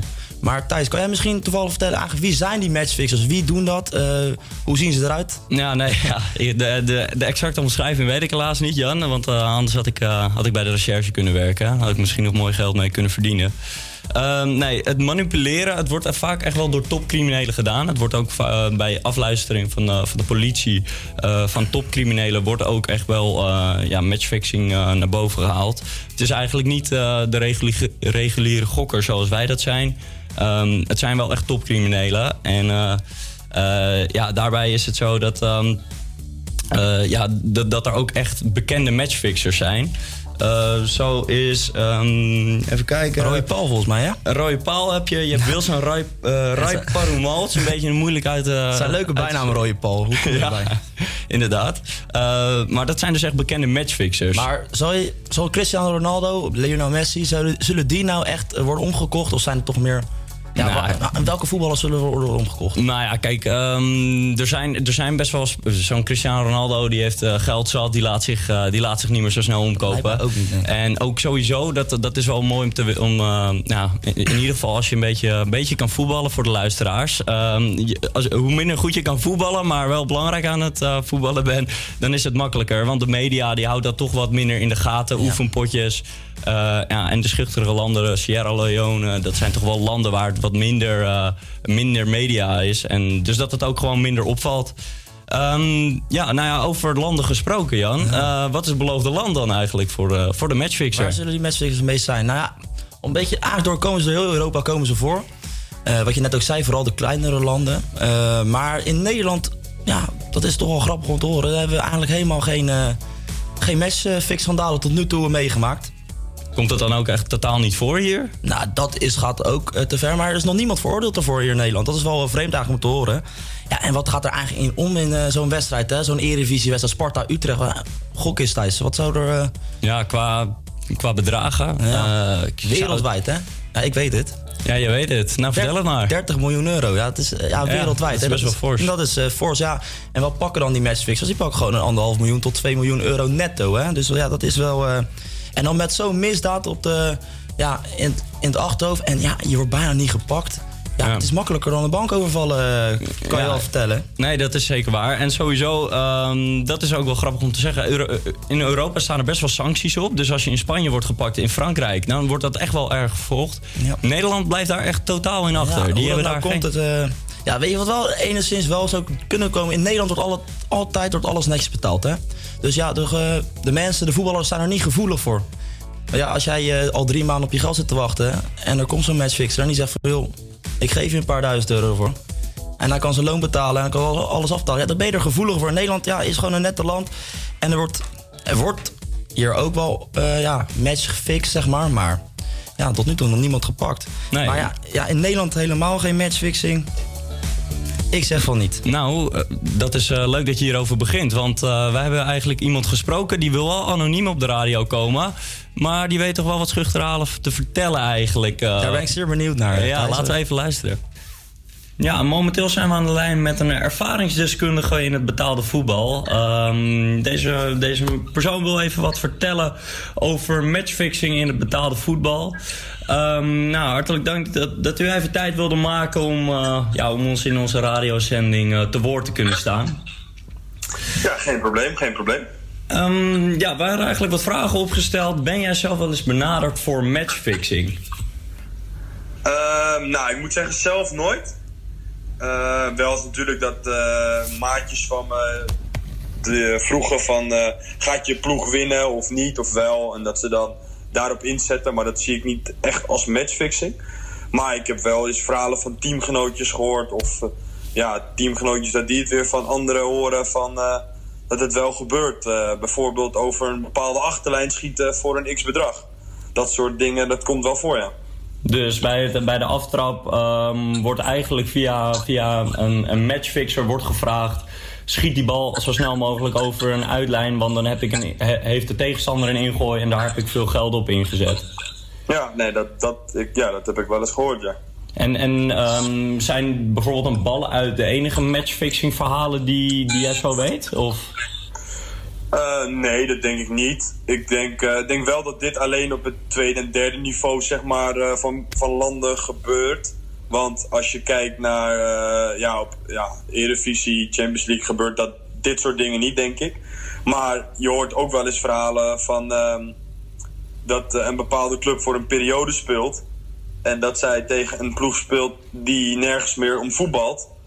En eh, dat ze dan gewoon een bedrag afspelen voor de, de spelerspot van de tegenstander.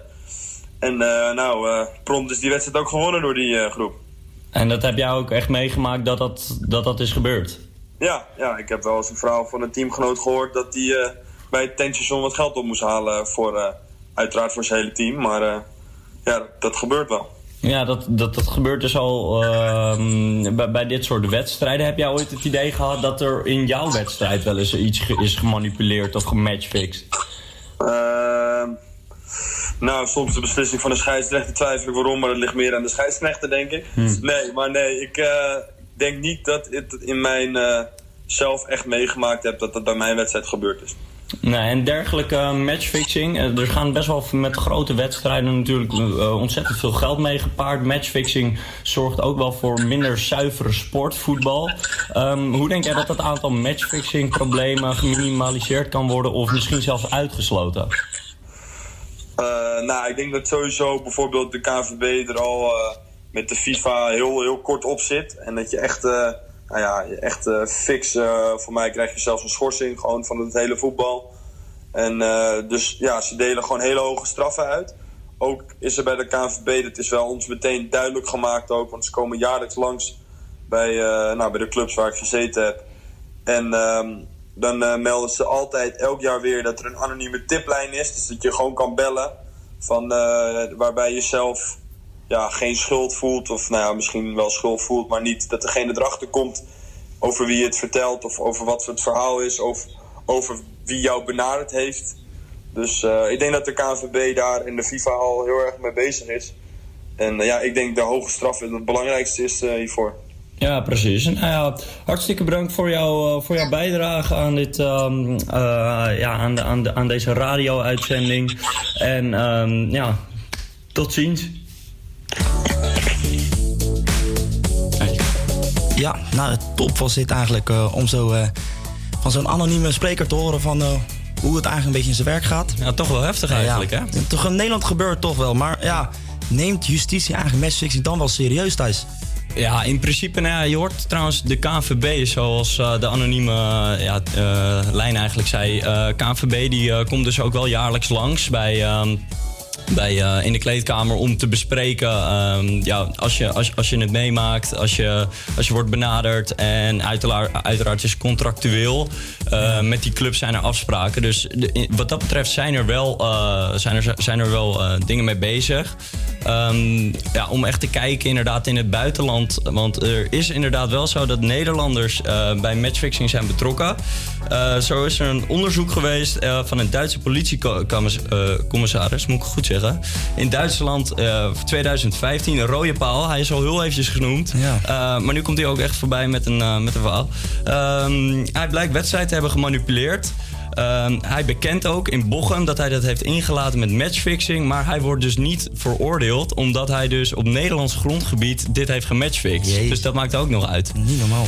Ja, dus hij, eh, ja, hij, hij komt er gewoon mee weg Maar hoe eigenlijk. meid, je, hoe, ja, hoe meid je eigenlijk die risico bij het fixen van zo'n voetbalwedstrijd? Ja, eh, ja, dan moet je mij eigenlijk niet echt vragen. Want dat is, eh, ik, ik, ik hou me er zelf niet heel erg druk mee. Maar ja, uiteraard is het wel zo. in de winterperiode, in de zomerperiode, oefenwedstrijdjes. Ja, daar kijkt de, de helft weet niet eens dat, dat die wedstrijdjes gespeeld worden.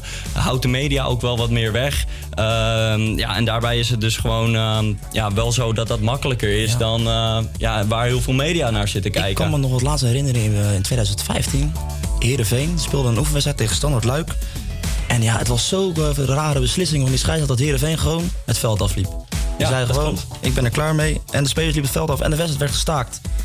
En ja, hoe wordt dat matchfixing nou dan eigenlijk dan opgesport? Nou, het is belangrijk om te weten. eh, UEFA hebben een speciale systeem gemaakt, het betting fraud systeem.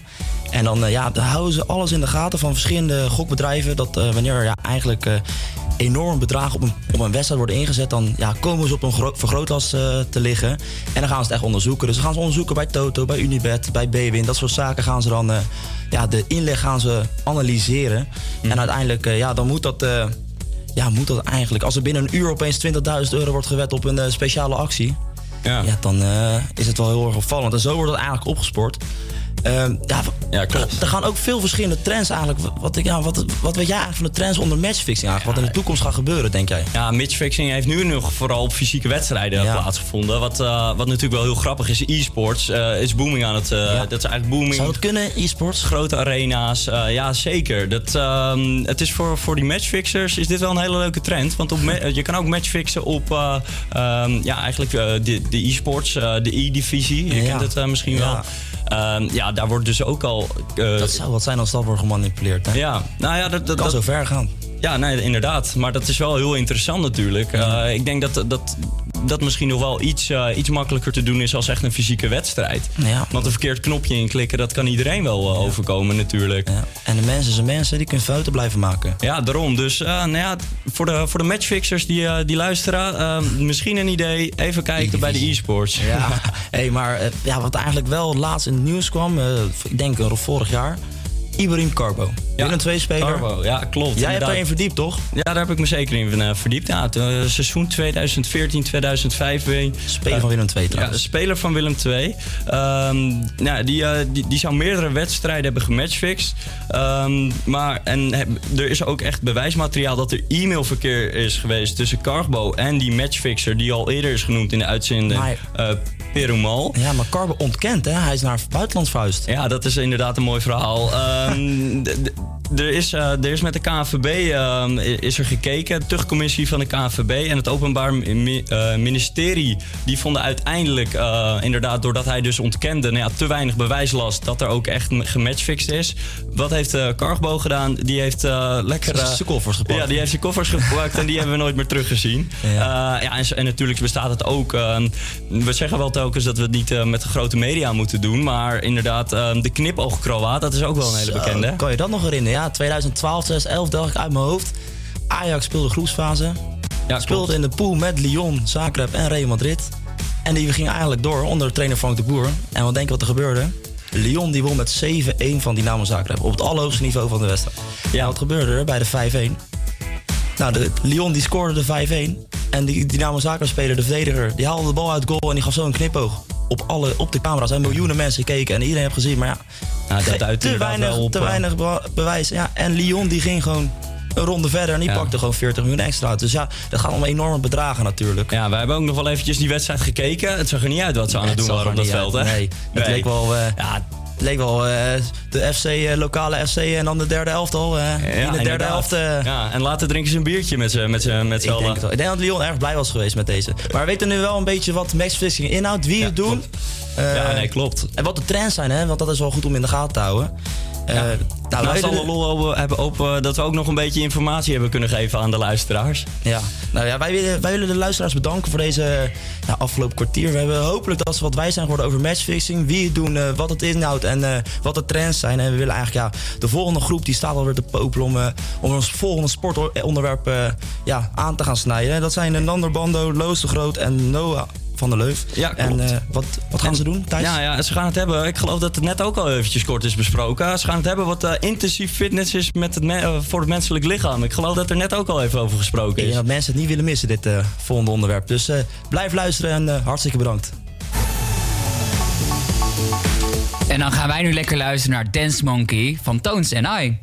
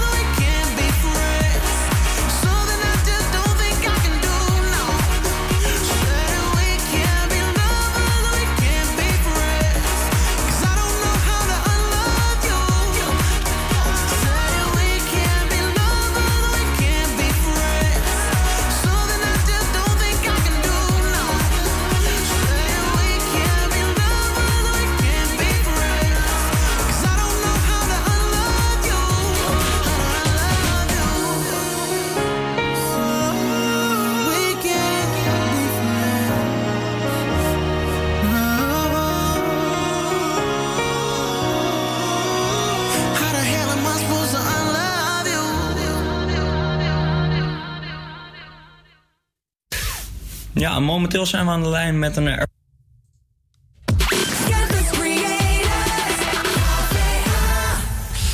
Een hele goede middag allemaal. Wat leuk dat jullie eh, luisteren naar HVA Campus Creators. Mijn naam is Naandor. Ik zit hier met Lois en Noah. Hi. Hey.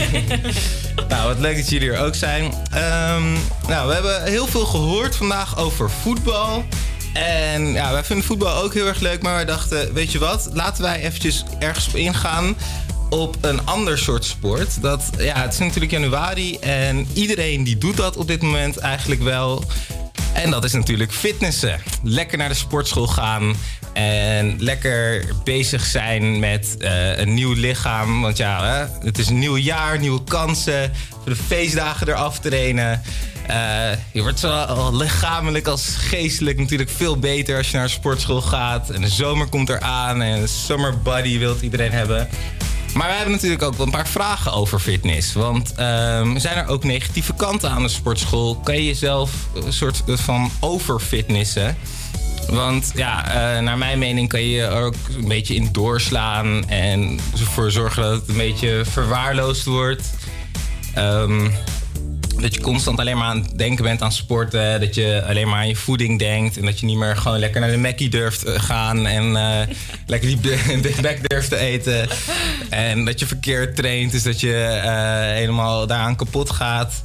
Nou, en natuurlijk, het kan je ook ongelukkig maken. Omdat je continu ontevreden bent over je eigen lichaam. Omdat je alleen maar te veel aan het sporten bent. Nou, om daar eventjes op in te gaan, hebben we op dit moment een beller aan de telefoon. Dat is Peer. En hij eh, sport zelf vier keer per week in een sportschool. Heeft, ehm, is topsportzwemmer geweest. En hij kan ons iets meer vertellen over de sportschool. Hoi Peer, hoe gaat het met je? Goedemiddag, alles goed. Goedemiddag, top. Leuk dat je er bent. Ehm, nou, klopt het dat er in januari veel meer mensen naar de sportschool gaan? Ja, je merkt wel eh, in januari dat het wat drukker is in de sportschool. Maar op zich heb ik daar persoonlijk niet zoveel last van. Want al die mensen die in januari gaan, dat zijn een beetje gym noobs. Dus die gaan dan naar die, naar die apparaten die ze wel goed kennen. Zoals die loopbanden en die fietsen en zo. Dus als je daar zelf niet op gaat, dan heb je op zich geen last van de, van de drukte. Maar eh, is dat dan niet zo dat je dan echt dat soort eh, apparaten gaat ontwijken? Ja, dat is wel een beetje zo. Want ehm, die apparaten die zijn dan wel gewoon helemaal vol. Dus stel je zou het willen doen, dan is het wel gewoon echt veel drukker dan normaal. Dus eh, ik ga al normaal niet zo vaak op de loopband. Maar in januari is het helemaal... Ja. En wat, wat denk je dan over dat soort mensen die echt alleen maar in januari naar de sportschool gaan? Ja, het is natuurlijk gewoon best wel grappig dat, eh, dat mensen gemotiveerd kunnen worden door, door goede voornemens en zo. Dus ik kan er wel om lachen. Maar aan de andere kant heb je ook gewoon de mensen die het wel volhouden en, ehm, en er echt beter van worden. En daar heb ik wel respect voor. Ja. En ja, dat, dat snap ik natuurlijk ook. Want jij gaat zelf natuurlijk best wel veel naar de sportschool. En ehm, eh, wat, wat brengt de sportschool jou dan? Nou, de sportschool is gewoon in beweging zijn is gewoon sowieso goed voor je. Het is gewoon gezond. Je gaat er gewoon beter uitzien. Dat is ook goed voor je zelfvertrouwen en zo. En volgens mij is het ook gewoon zo dat tijdens sporten komen allemaal stoffen vrij in je brein, waardoor je ook gewoon gelukkiger wordt. Dus voor mij eh, is het in ieder geval gewoon, word ik in ieder geval gewoon blij van. Ja, je, je krijgt een geluksgevoel van eh sporten. Precies, precies. een bijna een soort drugs. En heb je dan niet het idee dat je soort van nog over eh, te veel aan het sporten bent? Of de, dat het eh, verkeerd kan zijn voor je lichaam? Ja, je kan natuurlijk wel gewoon te veel sporten, maar ehm, je lichaam geeft het vanzelf ook wel aan als je echt te ver gaat. Als, je bijvoorbeeld, als je bijvoorbeeld merkt dat je, dat je veel vermoeider wordt of, of snel, snel moeier wordt, of bijvoorbeeld blessures, dat is gewoon je lichaam die dan aangeeft van eh, ja, nu ga je een beetje te hard of zo. Ja, en ehm, gebruik je dan ook nog bepaalde voeding? Als je gaat Nou, sporten? Ik, ik gebruik persoonlijk niet echt. Kijk, ik, ik eet gewoon lekker wat ik wil. Het is wat jij net ook zei. Van, eh, je moet daar niet in doorslaan. Dat je, dan, dat je dan helemaal denkt van shit, ik kan niet naar de Mac en zo. Je moet gewoon lekker doen waar je zin hebt. Alleen als je bijvoorbeeld echt een topsporter bent, snap ik wel dat je jezelf, eh, jezelf dan een beetje gaat aanpakken op eten en zo. Ja. Maar gewoon, eh, jij, jij eet nog wel een keertje een Mackie. Ja, ik kan gewoon eh, rustig naar de Mac. Daar voel ik me echt niet schuldig over. Oké, nou top Peer. Hartstikke bedankt voor het bellen. Yes. En eh, dan gaan wij natuurlijk verder, als we het over voeding hebben, over ja, een film die best wel in opspraak is gekomen. Ja. Game eh, changers. game changers, inderdaad. Hebben jullie gezien? Ik wel. Netflix? Daardoor ben ik nu eh, vegetarisch. Ah, en jij, Nando? Eh, nee, ik heb hem zelf niet gezien. Nee. Oké, nou het gaat dus om eh, eigenlijk het hele veganisme, dan, maar dan eh, met betrekking tot sport. Wat mij het meest is bijgebleven is dat je eigenlijk eh, de hele tijd drie topsporters in beeld ziet. Die op het begin echt van die vleesetende Amerikanen die helemaal dol zijn op vlees. En die eigenlijk ervan overtuigd zijn dat je door middel van vlees en de eiwitten die daarin zitten betere eh, sportprestaties levert. En eh, in deze documentaire komt het eigenlijk uiteindelijk aan het licht dat dat helemaal niet het geval is. Zij, ze wordt er ook bloed afgetest of afgenomen. ehm, voordat zij nog, ja, eigenlijk op het moment dat zij nog heel erg veel vlees eten en dan sporten. En later wordt ze, krijgt ze een eh, veganistisch eh, eetpatroon aangeboden en gaan ze daar dan ook mee aan de slag. En dan uiteindelijk zie je dat hun bloed veel minder troebel is en dat hun sportprestaties op de langere termijn ook echt wel beter zijn. Dus best wel interesting. Dus je gaat beter sporten als je geen vlees eet. Nou, het is dus niet zo goed als dat men denkt. Maar het is in Amerika natuurlijk ook eh, echt marketing, hè? Ja. Dat vlees. Ja, ja, ja. Je wordt een grote man met alleen maar veel vlees. En, eh, Eiwitten, maar die kun je zogenaamd alleen maar uit een stuk biefstuk halen. Nou, Ja. Dat is dus niet het geval. Maar ja, moet je dan, als je geen vlees eet, dat heel erg gaan compenseren met allemaal van die shakers en zo? Ah, deze... Ze hebben het niet door middel van Nee. shakers gedaan. Alleen nee. maar groenten, gewoon noot, plant- ja. ja. gewoon plantaardig. Plantaardig. eh, ja. Het is wel echt heel erg leuk om te kijken. Ja, want je ziet daar ook dat gewoon. de eiwit uit plantaardig voedsel uiteindelijk veel eff- effectiever is dan uit het Lange termijn, ja. Ja. ja. Dus kijken. Echt, echt kijken. Misschien ga je dan Ja. minder naar de Mac. Volgende keer zie ik geen vlees meer op jouw broodje. Oké, nou tof. Eh, maar wat, vinden jullie dan van mensen die eigenlijk zich houden aan een voedselpatroon en dan dus speciaal voor het sporten geen vlees meer gaan eten? Knap. Er zijn, vinden jullie knap? Ja, ik vind het wel tof. Echt eh, discipline. Ook dat je dat uitprobeert. Ja. Ja. En elk lichaam reageert natuurlijk ook anders. Maar als je, de, als je die film zo ziet, het zijn al topsporters. En als je Ja. dan daarna bekijkt dat de prestaties alleen maar beter worden. Ja, Ja, Leuk om een keer uit te proberen. Ik vind het al lastig om een maand niet te drinken. Laat staan vlees te eten. Nee, voor jou wordt het lastig. Maar ligt goed, natuurlijk wel even kijken. Wie weet eh, is verandert je mening. Ja. Maar goed, volgens mij eh, gaan we nog iemand bellen. Ja, Roxy. Even Wie is, kijken eh, of zij... eh, ja, wie Of ze op gaat nemen. Ja, Roxy die heeft zelf aan twee eh, fitnesswedstrijden meegedaan. Met Roxy. Hey Roxy, met Lois. Hoi. Wat leuk dat je even tijd kon maken. Ja, zeker. We hebben het net over de fitnesswedstrijden waar jij mee hebt gedaan. Ja, leuk. Wat, wat wil je weten? Ja, waarom wilde jij ten eerste meedoen aan een fitnesswedstrijd? Want je bent altijd al bezig geweest met fitness, maar wat was dan voor jou de reden om het nog even een stapje, om de lat nog even hoger voor jezelf te leggen? Ehm, ja, wat je zegt, ik was al een tijdje eh, fanatiek aan het sporten. Ehm, maar op een gegeven moment merkte ik dat ik niet echt meer een doel had om naartoe te trainen. En ehm, ja, toen raakte ik in gesprek met iemand die eh, bikini fitness deed. En eh, ja, ik, ik denk nou, dat, ik vind het zo gaaf. Dat, ja, ik wil het ook doen. Ja, dat kan ik me, kan ik me wel voorstellen, zoals je weet. Wat is bikini fitness eigenlijk precies? Hoi, ik ben Naandor trouwens. Hoi. Ehm, bikini fitness is, eh, ja, het valt onder het bodybuilden. Ja. Eh, en dit is eigenlijk eh, ja, de lichtste vorm eh, voor vrouwen. Dus dan gaat het niet zozeer om dat je super gespierd bent, maar meer ja, afgetraind, iets lager vetpercentage en vooral sierlijk en vrouwelijk Sierlijk, eh, ja. Overkomt. Ja. Het sierlijke, want jij hebt dan veel... Ja, je bent, in de voorbereiding heb je veel bezig gehouden met fitness natuurlijk. Maar ook met eh, de bijzaken als eh, het poseren en voeding. Hoe heb je dat allemaal een beetje aangepakt? Ehm, nou ja, ik eh, zocht dus eigenlijk eh, een, een trainer eh, om ehm, ja, bikini fitness. Het was helemaal nieuw nog voor mij. En toen kwam ik iemand tegen en die zei van ja, ik zoek nog meiden die ik graag wil begeleiden. Ehm, nou ja, zo zijn we begonnen met het oppakken van voeding. Ik deed eigenlijk nooit echt aan eh, nou ja, tellen van macro's. eh, dus hoeveel eiwitten, hoeveel eh, koolhydraten, hoeveel eet ik op een dag.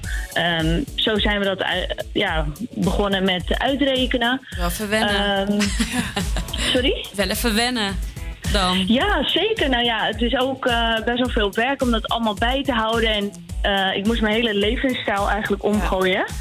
Ehm, want ehm, nou ja, ik haalde alles uit, eh, uit voeding. Eh, mijn eiwitten, bijvoorbeeld. Ja. Ehm, dus geen shakes, geen reep, Ah. geen bewerkt voedsel. En dat was best wel lastig. Ehm, dus ja, uiteindelijk moet je dan een beetje passen en meten wat je allemaal eet. En ja, aangezien voeding is 80% van het resultaat. ehm, Ja, dat hoor je dus- veel. Ja. ja, dus dat was echt heel belangrijk eh, om, om in het begin eh, aan te passen. Later ben je er wel aan gewend. Ehm, maar ja, inderdaad ook het poseren en dat soort dingen kwamen erbij kijken. En dat, dat, ja, dat had ik in het begin niet echt verwacht. Dat dat zo moeilijk was. Ehm, maar ja, je moet natuurlijk, je staat voor een minuut sta je op het podium. En dan moet je wel jezelf van je beste kant laten zien. minuut zeg maar, je maar. bent die- ja, nou ja, je bent een jaar aan het trainen en je staat. Oh, oh, ja, iets, nou ja, misschien in vijf minuten sta je daar. Maar ehm, dat is tijdens de vergelijkingen. Maar je hebt ook een ronde iWalk en dat doe je, ja, dat doe je in je eentje. En dan ben je echt maar, heb je 45 seconden om je sterkste kanten te laten zien. Ja, dus dat was wel, eh, dat was wel eh, oefenen. En, En toch wilde je nog een wedstrijd, en nog een wedstrijd meedoen. Ja, ik vond, eh, nou ja, ik had nooit verwacht. Ik had eerst, eh, wilde ik deze wedstrijd doen om een doel voor mezelf te, eh, te stellen. En eigenlijk, ja, meer een stok achter de deur te hebben. En toen had ik, ja, ik kwam van het podium af, de eerste wedstrijd. En ik vond het zo leuk. Ik vond, ik vond het echt geweldig. En toen dacht ik, ja, ik wil, ik wil gewoon weer een tweede wedstrijd doen. Ja, je Dus zat dat heb ik toen natuurlijk gedaan, ja. nog in. Dus ja, wel een goede manier om dan weer verder te gaan. Ja, ik dacht nu ben ik toch in vorm, dus eh, ik ga gelijk door. En dat heb ik niet zo onderschat, want dat was best wel pittig. Ja, snap ik, Ehm, ja. ja, je, je eet best wel onder je calorieën, je bent moe. En eh, om dan nog negen weken lang eh, dat door te trekken, zeg maar, dat was, eh, daar heb ik me wel een beetje in vergist. Dat, dat, was, wel, eh, dat was wel pittig. Ja, dat begrijp ik heel Klinkt goed. allemaal vrij eh, pittig. Ik weet niet of ik het zelf ooit eh, ga doen, maar in ieder geval heel erg bedankt voor jouw eh blik erop. En eh, nou, ik ben heel erg benieuwd of ik je nog een keer op het podium ga zien.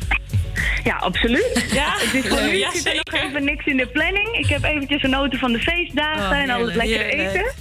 Maar ik ga zeker nog even het podium op. Nou, yes. Heel leuk. dankjewel. Dankjewel, Roxy. Graag gedaan. Doei. Doeg. Fijne uitzending. Hoi. En ehm, wat vinden jullie nu van fitness? Gaan jullie het doen? Januari, het al fitnessmaand. eh, heel fanatiek beide, wij wel. Ja, fitness Ja. is heel fanatiek, maar zo'n wedstrijd, als ik dan, dan zo Wel hoor, pittig. 24-7 ermee bezig, vijf minuten op het podium. Nou, Nee, in en ieder jij geval, sowieso eh, niet, bedankt of, voor eh? het luisteren allemaal. Ik blijf het houd bij turnen in de club. Ja, dat. Een hele fijne, eh, dag nog. doei doei. Ja, en dit was het alweer. Alle, sp- alle sport- en mediastudenten hebben we nu gehad. Nou, ik vond het echt super interessant allemaal. Wat jij ja, dan ik vond eh, vooral de ene die over matchfixing ging, eh, vond ik best wel interessant ook. Ik wist helemaal niet dat het zo'n ding was, weet je wel. Nee, matchfixing, ehm vooral met e-sports. Kijk, ik ben dan wel weer fan van e-sports, dus ik vond het heel leuk dat ze die, die koppeling daaraan maakten. Ehm, vorige week hadden ze ook over Olympische Spelen en zo. Ik vraag me af of daar dus ook met matchfixing in komt. Ja, dus ik ben heel benieuwd. Maar ik heb weer allemaal nieuwe dingen geleerd. En eh, ik vond het twee hele leuke eh, uitzendingen ook eigenlijk. Dus eh, ik hoop dat het snel weer een keertje gebeurt. Zeker. Nou, dit was het weer. En morgen zijn we ook weer tussen 12 en 2.